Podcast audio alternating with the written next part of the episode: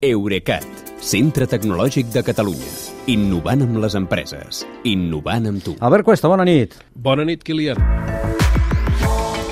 Doncs mira, aquesta, aquesta xifra em crida la- l'atenció. Cada llar catalana està abonada a una mitjana de 3,3 serveis de vídeo en streaming? I n'hi ha que amb això no en tenen prou, perquè un 11% de les llars van accedir a 6 plataformes o més entre juliol i setembre d'aquest any.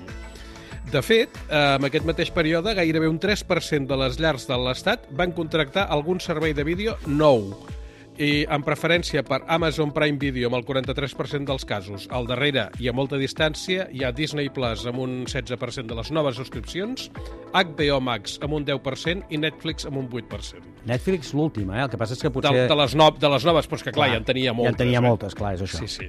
I també és cert que el Prime Video, eh, en el cas d'Amazon, doncs ve inclòs dins del Prime, del servei Prime d'en- d'enviaments gratuïts, Sí, sí, sí. tot, té una, tot té alguna una altra manera de veure-ho. Uh, aquestes dades són de l'empresa Cantar, de medició d'audiències, que acaba d'ampliar al mercat espanyol uh, aquests informes trimestrals que es diuen Entertainment on Demand, que ja venia oferint als Estats Units, al Regne Unit, Alemanya i Austràlia. I ho han fet perquè el mercat espanyol resulta que és dels més competitius. Mira, al mes de setembre, 12,4 milions de llars de l'Estat feien servir almenys una plataforma de vídeo sota demanda. I això representa un índex de penetració del 66% de les llars, dues de cada tres. Això està per sobre del 53% d'Alemanya o del 56% del Regne Unit. De fet, si ho mires per edat, més de la meitat de les llars espanyoles on hi ha almenys un membre de 65 anys o més que accedeixen a l'streaming. El doble, això és el doble del que passa a Alemanya. Tot i això, encara hi ha marge per créixer fins a arribar als nivells d'Estats Units, on les plataformes arriben al 80% de la població i cada llar està abonada a un promig de 5. Ja. Eh, són dades espanyoles, estàs dient, eh? De catalanes no n'hi ha, eh, d'això? Bueno, de fet, el que, el que he, rascat és que el promig de les llars catalanes coincideix amb el promig de les llars espanyoles. Coincideix. I En no això, hi ha variacions. En això no hi ha fet diferencial, de moment. No, no, no, no. De tota manera, aquí som menys propensos a fer maratons de sèries, dius? Uh, menys propensos que d'altres països, perquè si compares l'informe de Cantar amb el dels altres quatre mercats, aquests et deia, mm. es veu que només un terç dels abonats espanyols a serveis de streaming miren habitualment un episodi al darrere l'altre de manera compulsiva, mentre que als Estats Units i Austràlia la proporció és gairebé de dos terços. Uh, això sí, la meitat dels abonats de l'Estat diuen que mirar pel·lícules i sèries és el seu passatemps preferit, més que el Regne Unit i que Alemanya. Potser tenen millors coses a fer. Però vaja, uh -huh. amb quin aparell mirem l'streaming? Sí, centrem-nos en el tema tecnològic. Sí, sis, sí. sis de cada 10 usuaris ho fem amb un televisor connectat, un 13% amb un adaptador com els d'Apple i Amazon i un 8% ho envien al televisor des de l'ordinador o al mòbil.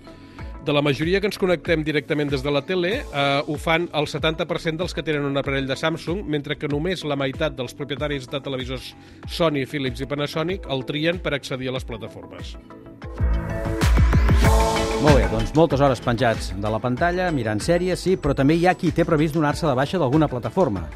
Doncs sí, i el 23% dels abonats que ho volen fer, això de donar-se de baixa, abans de que acabi l'any, diuen que el motiu és estalviar diners. Eh, I a mi la veritat és que no m'estranya, perquè les quotes mensuals acaben sumant una bona picossada, i aquesta picossada anirà més. L'altre dia parlàvem de les pujades de preu de Netflix, que fa 6 anys va començar amb el Premium a 12 euros mensuals i ara ja en cobra 18, però és que la setmana passada Apple va pujar la quota de la majoria dels seus serveis digitals, des d'Apple Music fins a l'iCloud, però és que el servei que més ha pujat és precisament Apple TV, el de streaming, que ho ha fet un 40%. I espera't, perquè només parlem de les mensualitats de vídeo, però aviat pujarà, em sembla, també la música, eh? Eh, no ho dubtis, avui Spotify ha presentat resultats. D'això, si voleu, en parlarem demà amb els d'altres empreses. Sí.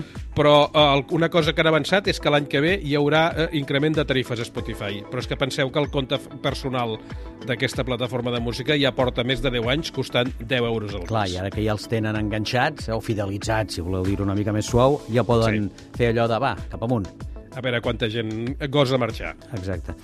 Perquè s'hi han acostumat ja de sèrie. Bé, doncs nosaltres estem molt acostumats que hi siguis, per tant, demà torna. Que vagi bé.